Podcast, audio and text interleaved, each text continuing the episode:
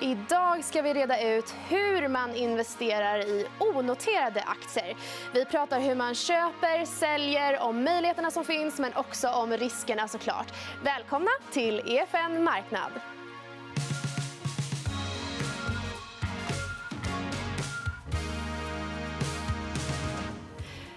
Välkommen. Med oss i studion har vi Filip Scholtze. Tack så mycket. Du är lite av en sparprofil kan man säga. Kanske. Det är du som sa. Känner du inte som sån? Ja, men jag har ju hållit på i det här skråtet ett tag och varit först mycket i den onoterade miljön och sen eh, nu är det i den onoterade framför allt. Så det, det känns väldigt kul. Spännande. Jag har suttit i såna här sammanhang några gånger i alla fall. Ja. Vad var det som gjorde att du bytte? Eh, från den noterade till onoterade. Ja, men jag fick en möjlighet att börja på Peppins och så tyckte att ja, men nu känner jag att jag har... Eh, jag ska inte säga att jag har full koll på börsen, för det har jag verkligen inte. Eh, jag har väldigt dålig koll på börsen. Men eh, jag liksom fick en liten glimt på att ja, men här finns en helt annan värld av investeringar. Eh, och eh, så kastade jag mig in i den. Så det, det har jag inte ångrat en sekund. Kul. Och det är vi tacksamma för, för vi ska ju prata onoterade innehav idag. Filip, vad är ett onoterat bolag? Ja, men ett onoterat bolag är väl egentligen alla bolag som inte är eh, på börsen. Då. Eh, och det kan ju vara alla möjliga. Alltså, eh, allt ifrån liksom de minsta eh, startupbolagen till... Det finns ju jättebolag som inte är börsnoterade. Så att det spektrat är liksom, ja, men väldigt stort. Ju. Eh, och ibland kan jag tycka att eh, man klumpar ihop onoterade bolag. Som liksom, ja, men det, det är bara små bolag. De fina är eh, på börsen. Eh, men så tycker jag inte riktigt att det är. Det är lite för enkel sanning. Ja, det är framförallt kul för man kan ju också investera i onoterade Absolut. bolag. Eh, Jag gjorde en eh, poll här på Twitter som visade att det är hela 24% av våra följare då som eh, redan äger onoterade Okej. innehav Eh, och 42% som skulle kunna tänka sig att investera i det. Är det här eh, någonting som du känner igen? Men det, det gläder mig framför allt. För då kanske man eh, har gjort någonting liksom vettigt på Peppins där jag jobbar som är en av de plattformarna där man faktiskt kan investera förnuftigt i, eh, i onoterade bolag. Så att det, det gör mig jätteglad. Mm, kul. Men vem är det egentligen som ska ägna sig åt såna här typer av investeringar? Då? Jag tycker nog att eh, i grund och botten ska man ha ett, eh, liksom ett engagemang för aktiesparande och investeringar. Eh, och sen tycker inte jag att man ska dra eh, ja, men, eh, tröskeln liksom för högt. För att det är inte så svårt egentligen. Har man liksom en uppfattning om hur man ska investera på eh, på börsen i att liksom sprida sina risker och tänka långsiktigt och köpa det man förstår. Och, ja, nu drar jag Unga Aktiesparares gyllene regler. Eh, De sitter, de sitter djupt. Eh, Ja, men då har man, ganska, eller då har man liksom kommit väldigt långt i den onoterade miljön också. Sen har det inte alltid varit liksom lika enkelt att följa de här reglerna i den onoterade miljön. Eh, Men det finns det plattformar eh, som, som, som gör det ganska enkelt idag. Många pratar om att onoterade innehav kanske bara ska täcka en del av ens portfölj. Hur mycket kapital ska man investera i onoterat jämfört med börsen? Det är jättesvårt, tycker jag. Eh, man måste gå till sig själv och känna någonstans men vad är det för, vilken risk är jag beredd att ta. För det ska man komma ihåg att onoterat är ju, det är ju som vi sa innan, det är inte på börsen. Alltså, du har inte samma möjlighet att köpa och sälja de här aktierna som du har eh, ja, men, måndag till fredag 9 till 17.30 eh, annars. Eh, sen är det visserligen, visserligen inte alla börsbolag som har jättehög likviditet heller. Eh, men det ska man komma ihåg. Så man tvingas ju liksom till den här långsiktigheten på ett annat sätt när man investerar onoterat. Och då blir det än viktigare kanske att Eh, ja, men jag brukar tänka för mig själv så brukar jag tänka att pengar jag ska ha inom de kommande fem åren de ska jag nog inte ha eh, på börsen eller i onoterade aktier. Eh, och det där kan ju ändras snabbt. Eh, men just för de onoterade då, så kom man på att nej, men nu behöver jag de här pengarna på riktigt. Ja, men då, då kommer det ta en stund innan du kan avveckla de positionerna. Eh, så att det gäller att tänka till eh, både en och två gånger. tycker jag. Ja, och ibland kan det ju ta till och med längre än fem år när det kommer Absolut. till onoterade innehav. Absolut. Mm. Så det är verkligen något som man ska tänka på. Ehm, vad finns det då för olika sätt att investera i onoterade bolag? Du nämnde Peppin som du Ja. jobbar på. Ja, men så här, Peppins, eh, vi har gjort det vi gör sedan 2016. eh, Och då är vi en plattform där vi ger ja, onoterade bolag möjligheten att eh, ta in pengar från väldigt många. Eh, Och det är ett sätt att liksom demokratisera kapitalanskaffningar. helt enkelt. Och så har vi liksom gjort det möjligt då för eh, Nu har vi 80 000 eh, medlemmar som kan eh, investera i alla de här tillväxtbolagen och göra det från 500 kronor. Och det finns en vits med det. För att normalt sett när man ska investera i onoterat så krävs ganska mycket pengar för att gå in. Det kan vara liksom 10 000, 50 000, 500 000. Och ska man dessutom då ha en bred portfölj av onoterade innehav som dessutom ska bara vara en liten del av den totala portföljen, då ska man ha många, många miljoner. Och det har inte alla. Eh, så att därför, så, ja, men därför är det så viktigt liksom att ja, tänka till att hur mycket är jag beredd att investera eh, totalt i, i den onoterade portföljen och sen fördela ut det på många innehav. Och det kan vi som plattform eh, göra. Sen finns det de traditionella sätten med att en kompis kommer till dig och säger hej jag ska starta ett bolag. Eh, skulle du vilja investera i, i min firma? Det går också alldeles utmärkt. Eh, så att det finns jättemånga olika vägar. Det finns riskkapitalfonder och, och eh, ängelnätverk. Och, ja, men det finns jättemånga olika vägar. Eh, men jag tror att tröskeln är lägst på plattformar som vår. Mm. Om vi fokuserar på er plattform, då, hur gör man konkret som investerare för att komma igång och köpa aktier i onoterade bolag? Ja, men det, är ganska enkelt. Man, man loggar in på vår sajt och så blir man kund som på vilken sida Eh, som helst får, får svara på lite eh, frågor om var pengar kommer ifrån. och, så där. och Sen hittar man ett, eh, ett case. Då vi har egentligen två sätt att investera i onoterade aktier. Antingen så investerar man i en, i en nyemission, alltså när ett bolag ska ta in nya pengar och trycka nya aktier. antalet aktier i bolaget blir liksom fler än innan. Då. Eller så köper man begagnade aktier. Som, ja, vi har ju som en marknadsplats då, som det är inte som börsen, men det, det liknar börsen på det sättet i att du köper aktier som, som redan finns sen tidigare. Så det blir ett, ja, en andrahandsmarknad. helt enkelt. Och det är ju lika mycket att investera i ett onoterat bolag att köpa aktier där. För Det är det vi är vana vid att göra på börsen. Mm. Så att, begagnade aktier, nya aktier. Två sätt. Så, och på samma sätt som börsen så är det nyemissioner och Exakt samma. Ja. Så enkelt att förstå. Ja, men det är ganska enkelt att förstå. Mm.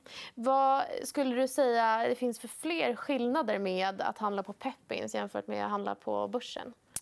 Ja, men, eh, stor skillnad är ju... Eh, alltså, eh, du kan titta på eh, liksom bolagen som finns. Eh, I vår miljö så har vi hjälpt ett 40-tal bolag eh, att ta in pengar och som handlas nu på den här marknadsplatsen. Eh, börsen har ju väldigt många fler bolag. Så, så liksom utbudet är ju eh, idag mycket större eh, på börsen.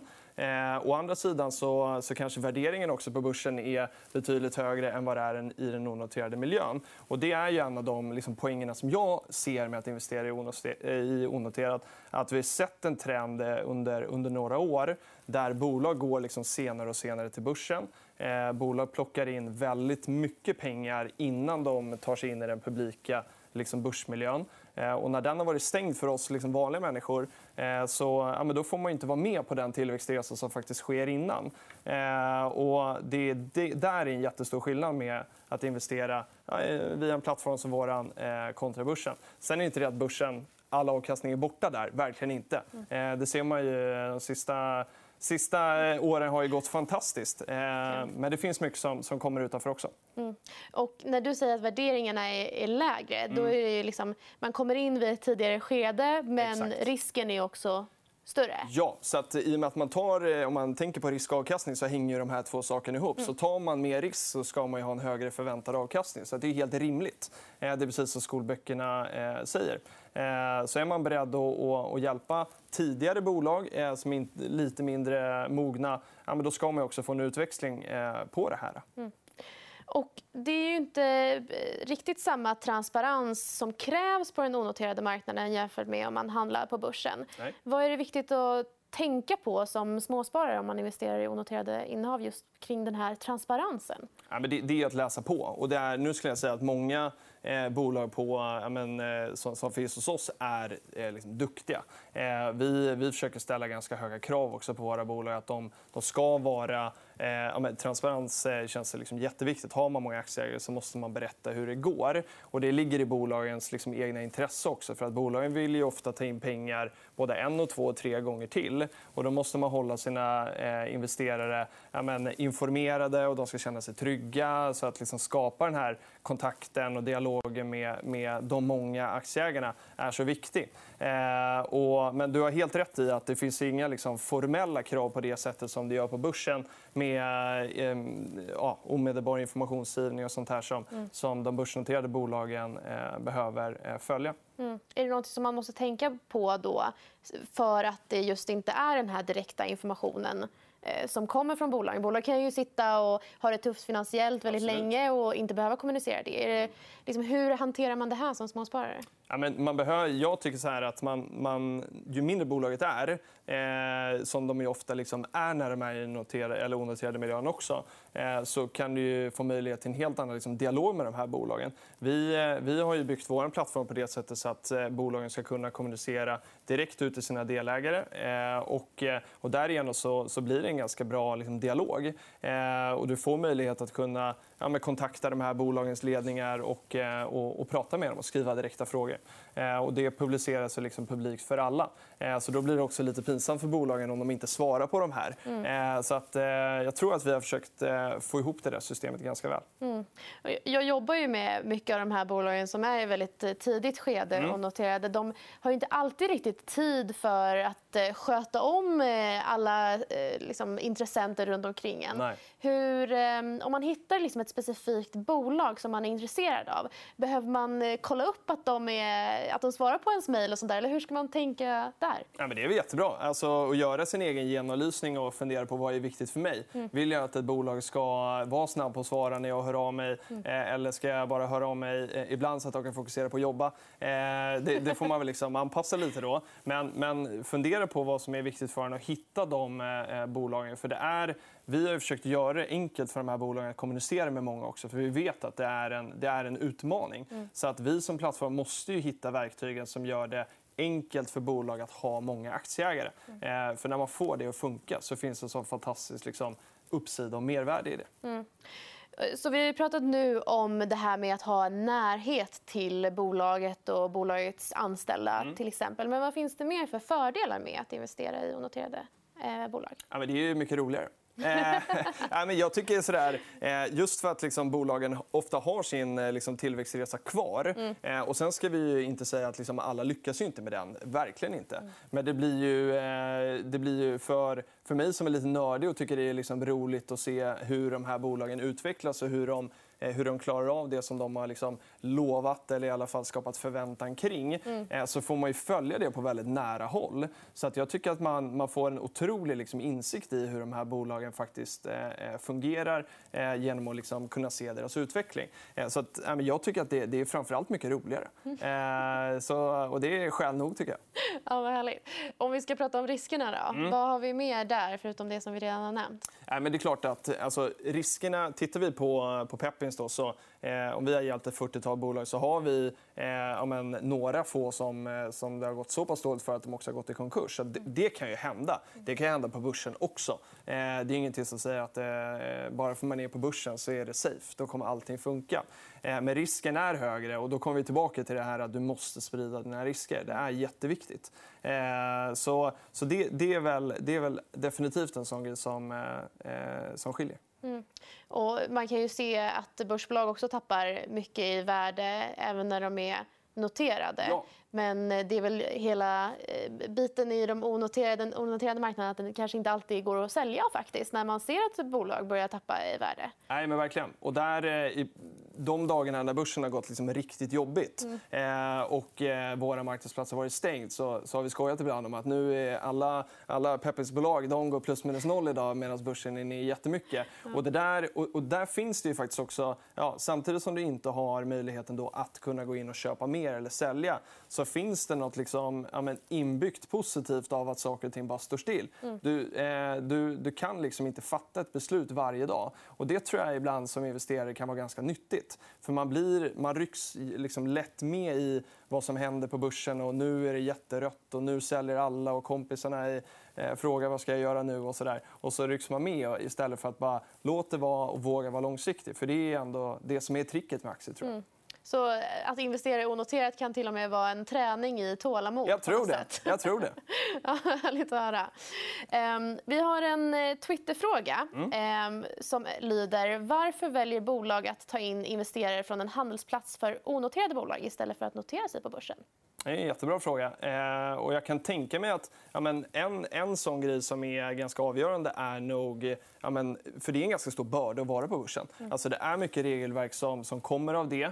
Eh, man ska inte heller underskatta eh, ja, men vad som krävs att ha en aktie som poppar upp och ner varje dag. Eh, det är ganska jobbigt som, eh, som, eh, som företagsledning eller anställd att känna att det liksom där rör sig hela tiden. Eh, även om många börsbolag säger att vi tittar aldrig på aktiekursen eh, så tror jag inte riktigt att det stämmer. Så det skapar nog en, en, en, en liksom lite stress om man inte fokuserar på affärerna helt och hållet. Så, så det är ja, men absolut en sån grej. Mm. Ni har ju hjälpt många bolag att ta in både pengar och, och handlas med. Har ni några spännande, lyckosamma exempel som du kan dela med oss? Ja, men det har vi definitivt. Vi, eh, det första bolaget som vi hjälpte eh, som var helt publikt var, hette då Alvesta Glass och idag heter de eh, Lohilo. Mm. Eh, och de har haft en jättehäftig resa där vi hjälpte dem första gången att ta in pengar på motsvarande 5 kronor per, per aktie. Eh, de har splittat den där några gånger med det motsvarande 5 och idag står den väl i 17. Jag tror att den toppade på börsen på, eh, på över 60 så att det är otrolig volatilitet kan vi också se då på börsen.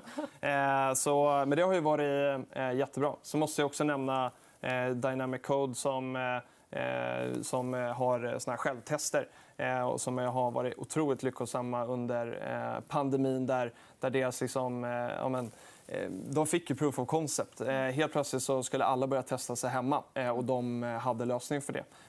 Så det hoppas vi att, inte att folk fortsätter vara sjuka, men att folk kanske fortsätter att testa sig hemma och ja, slippa gå till vårdcentralen när man och sprida sjukdom. Helt enkelt. Mm. Bra timing på marknaden för Dynamic. Verkligen. Mm. Är det, du berättade om Alvesta Glass och Lohilo. Är det alltid så att bolagen har som mål att bli noterade i slutändan?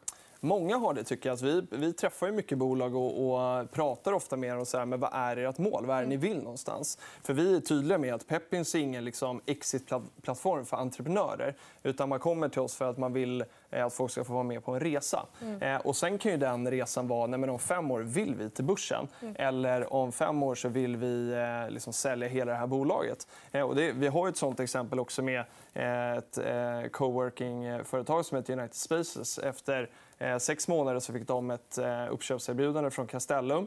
Eh, och så hade, ja, kursen blev väl dubblad ungefär och så valde man då att sälja. Och Det kan ju hända. Men, men vi vill att man ska gärna ha ambitionen om att eh, ta med folk på en resa. Men eh, börsen får man gärna komma till. Eh, och nu kommer vi lansera tillsammans med NGM också Pep Market. Eh, så att, eh, det, då kommer vi också ta steget in i den noterade miljön och kunna hjälpa bolagen hela vägen dit. Mm. Häftigt. Och när man då investerar på er plattform och sen eh, går det här bolaget publikt, vad händer med mina aktier då som småsparare? Ja, men, dina aktier som småsparare... Eh, det blir så att när, när vi hjälper bolagen med nyemission hos oss så sköter vi aktieboken. Eh, så då, det är en del liksom, i vår i våran service. att Vi tar hand om allting. Det ska vara enkelt för dig som bolag att eh, ja, faktiskt kunna ha många aktieägare. Så Det är en sån grej vi gör. Men när du ska till börsen sen så finns det något som heter Euroclear. Och då måste alla aktier registreras där. Eh, så det är en liten eh, liksom, eh, administrativ process för att få till det där som inte är helt modern. Kanske. Inte för mig, men för, för er? Eller? Ja, det är någon mm. som hanterar det. Men du kommer då få dina aktier som innan har legat på vår plattform in till den aktiedepå där, där du vill ha den. helt enkelt. Så levererar vi dem dit. Häftigt. Mm. Har ni några exempel på bolag som inte har gått så bra? Då? Ja, men som jag var inne på så har vi, har vi några case som där eh, man har spänt bågen liksom rejält och så har det tyvärr inte gått så bra. Och en av dem var en kafékedja som heter Barista. Eh, de hade gått eh, väldigt tungt redan från början så att det var lite av ett turnaround-case. Som väldigt, väldigt hög risk. Det var ett annat bolag som heter Kronfönster som jag tror de hade varit ett gasellbolag i flera år och gick väldigt bra. Eh, skulle göra en, en satsning och ta in en massa pengar då genom oss. Eh, och den satsningen stjälpte tyvärr bolaget. Eh, och det kommer hända. Mm. det, när jag pratar med med, som investerare som har varit i onoterade miljön i många år så, så tycker man att ja, men, om, vi har tagit, om vi har hjälpt 40 bolag och eh, två, tre stycken har gått riktigt dåligt så är det ett ganska okej facit. Eh, men när man är van att investera på börsen så, så är det kanske lite kris och panik när någonting går eh, eh går i konken. Mm. Eh, så det gäller att liksom ha eh, rätt förväntningar och förstå riskerna. Mm. Och I de här fallen så var det bara några månader efter ni faktiskt hade valt in de här bolagen till Pepins. Hur går den processen till från er sida? Mm. och Hur väljer ni bolagen som ni tar in? Ja, men vi, eh, vi är liksom ganska generalister. Så vi, eh, vi tittar ju på alla möjliga typer av, eh, av bolag. Och det är helt omöjligt att ha koll på eh, men vad, hur, vad är ett bra bolag. Man får liksom ha några liksom, kriterier som, som man får försöka följa. Mm. Eh, och vi försöker gå efter så här, hade jag velat investera i det här själv. Mm. Eh, och då kommer vi liksom hyfsat långt. så att vi har en egen liksom, process där vi ja, utvärderar de här bolagen. Eh, och sen när vi har kommit överens med dem att nu ska vi eh, göra en sån här kampanj tillsammans eh, så gör vi också alltid en, en extern genomlysning där vi tar hjälp av Eh, någon stor revisionsfirma som tittar på det här bolaget eh, med sina ögon. Eh, och det gör vi för att liksom vi vill känna att det är inte bara vi som Peppy som har tittat på det här utan det är också någon extern som har sagt att Nej, men det här är helt och rent. Och det, det är väl liksom den grundläggande grejen, att det ska vara helt och rent. För vi eller någon annan kan aldrig garantera att det kommer gå fantastiskt. Det, det är helt omöjligt. faktiskt. Mm. Men ni, jag gillar det här med att ni skulle kunna tänka er att investera i det själv. Är det så att ni också investerar i mycket av de casen som kommer in själva? Ja, men jag har verkligen försökt att investera i allt jag kan. Eh, sen har vi lite begränsade regler som personal. så att eh, Kunderna går alltid först och ibland så tar det slut innan det, vi får möjligheten att investera. Men då är jag jätteglad, för då, då har det varit lyckat. Ja, men det är bra. Um, skulle du kunna prata lite om hur det faktiskt går till när ett bolag ska då komma in och genomföra en nyemission mm. hos er? Vad händer då? Ja, men det, är, det är en ganska liksom, omfattande process ändå. Eh, och vi, som, ja, vi blir liksom finansiella rådgivare i det. Det är klassiskt corporate finance-jobb. Eh, eh, så bolaget behöver liksom, eh, landa i så här, hur mycket pengar vill vi ta in.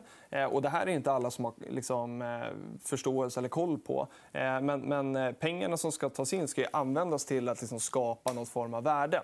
Eh, och där är ett tips till liksom, entreprenörer att innan man ska göra en ny ambition, att fundera på hur mycket pengar man, man ska ta in och hur, för, liksom, vad man ska använda dem till. För sen ska du sätta det här i relation till värderingen. Det blir klassiskt mm. draknästet. Eh, hur, hur mycket får man av bolaget för de här pengarna? Mm. Eh, och där är liksom, eh, knäckfrågan någonstans. Och där vi kommer tillbaka till det här att man måste låta folk vara med på en resa. Mm. Eh, så att eh, höga värderingar eh, får ofta lite problem och stopp i dörren. Så. Mm. Men sen när man har kommit överens om att nu ska vi ta in så här mycket pengar till den här värderingen så ja, men då börjar vårt stora jobb egentligen med det är jättemycket formalia, eh, liksom att göra en nyemission.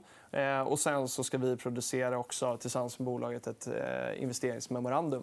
Eh, och det är det som är eh, liksom, du som investerare. Det blir liksom ditt material att liksom läsa på om det här bolaget. För det är du som investerare som, som, som måste liksom läsa på och ta ditt eget ansvar för din investering. Mm. Och där står det liksom allt om hur man ser på framtiden, ja, vad man ska göra med pengarna. Amen. Ja. Vad mer kan stå i ett sånt? Ja, men det, det, man berättar om liksom vilka nuvarande ägare är och ledningen. Och, ja, men, eh, berättar om affärsmodellen och produkten. och så där. Affärsmodell är, ju, eh, det kanske är det som, eh, som eh, jag tycker är roligast att liksom titta på. För att Där förstår man affärsmodellen. Ja, men då kommer man in i kärnan av vad är bolagets värde.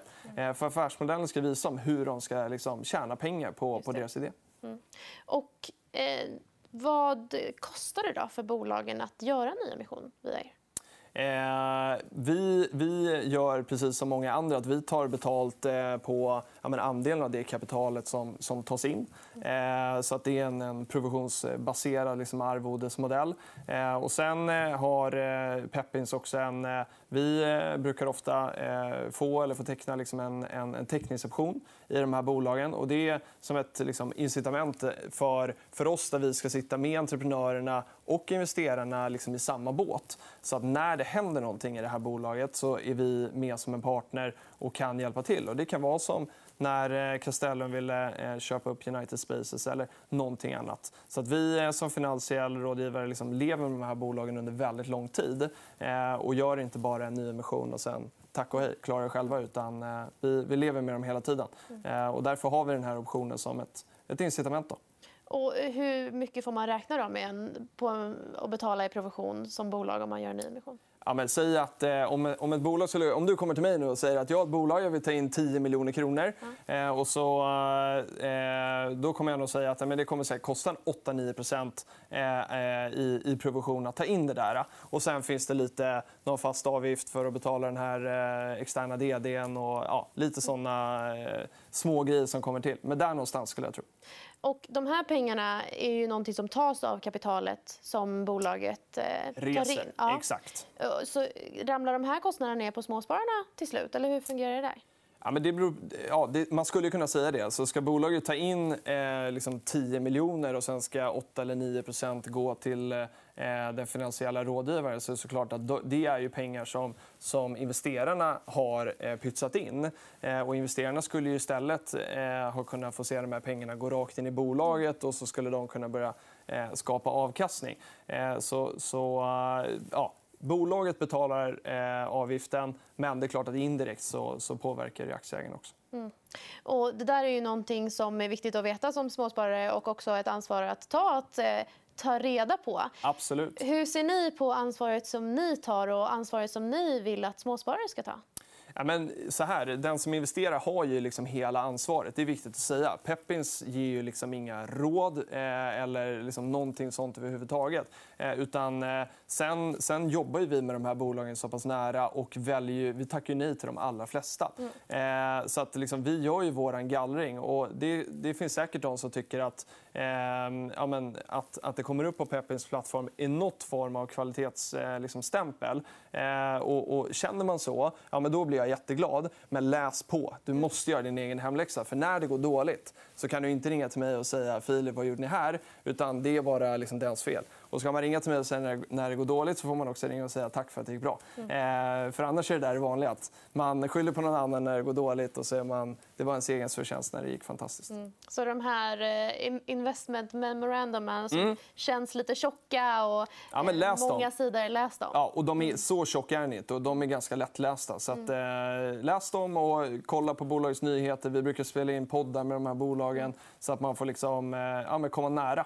Eh, så eh, det är en viktig grej för oss att liksom få ge någon liksom 360-bild på de här bolagen så att alla kan ta till sig informationen på, på det sätt som passar dem bäst. Mm. Så även om det kommit in på Pepin, så gör er egen bedömning? Absolut. Bra tips. Eh, vad är dina, om du skulle sammanfatta dina bästa tips mm. när det kommer till att investera i onoterade bolag? Ja. Vad är de? Ja, men vi kan börja med kolla på mitt fuskpapper här också. Då. Eh, ja, men långsiktigheten tänker jag lyfta först. Eh, för att, eh, jag kan bara gå till mig själv här. Jag, jag, är i en situation när jag ska köpa en ny bostad. Och vad har jag gjort då? Jo, men jag har ju sålt av hela min liksom börsportfölj och mina liksom, privata pengar. Så. och det jag inte har sålt av är mina onoterade. Mm. för de har jag inte haft möjlighet att sälja av helt enkelt. Och, eh, sen är det inte säkert att jag hade gjort det ändå. Men, men där blev det för mig väldigt tydligt att ja, men, eh, de noterade innehaven de är likvida. Jag kan flippa dem och köpa en lägenhet för det. Eh, inte för alla pengar. Jag kommer få låna mig väldigt mycket pengar också. Men, men i alla fall en del. Så långsiktigheten är jätteviktig. Eh, och kom ihåg det. Alltså, för jag tror även på börsen att många är alldeles för kortsiktiga. Det är ju höga risker där också. Eh, så, så tänk till, var långsiktiga. Eh, jag har 25 år. Eh, man får välja själv hur lång horisont det ska vara. Men mm. kom ihåg att det tar tid. Och Dynamic Code, är, om vi ska ta ett exempel på ett bolag också, så de har ju kämpat i många år. Mm. Och det var pandemin som gjorde att liksom, tajmingen klickade till och det bolaget och har man investerat i första emissionen så har man fått liksom 1000 i avkastning. Eh, och det hade man inte fått innan pandemin. Så man vet ju aldrig när det klickar till heller. Eh, och då gäller det att vara exponerad. Mm. Det var tips ett. Ja. Vad är tips nummer två? Ja, men det är ju att investera i många bolag eh, och försöka se eh, liksom, de här onoterade bolagen kanske som en tillgångsklass. Att, liksom, det mest intressanta är kanske inte att hitta Dynamic Code, Alvesta Glass eller United Spaces. utan det är att få tillgång till hela den här korgen av bolag där några, är liksom, något eller några av de här kommer bli fantastiska. För dens avkastning kommer betala för liksom, alla investeringar, förhoppningsvis. Det är det som är eh, liksom förväntan i alla fall. Eh, så försök att liksom, eh, eh cherrypicka lite. Eh, försök att liksom, exponera mot mycket. så försöker jag göra. Mm. Och tips nummer tre? Ja, men det är att engagera sig. Eh, se till att det blir kul. Eh, för Det är väldigt roligt. Och Det är kul att följa de här bolagen och lära känna dem. Eh, nu har det varit svårt under pandemin att kanske träffa bolagen. Men annars försöker... Vi brukar varje år ha en delägarfest där man får träffa alla de här bolagen. Eh, så liksom se till att komma på de här och liksom stå och prata med vd och eh, liksom företrädare för bolagen och lära känna dem. För jag känner det att när, när, man, när man känner ett bolag och känner människorna bakom ja, men då, då kan man det helt och hållet. Och då tror jag att man också gör bättre investeringsbeslut. Mm. Eh, och det blir mycket roligare. Kul. Tack så hemskt mycket, Filip Schultze, för att du kom hit till studion idag. På fredag är EFN Marknad tillbaka och då pratar Albin fastigheter. Vi ses då!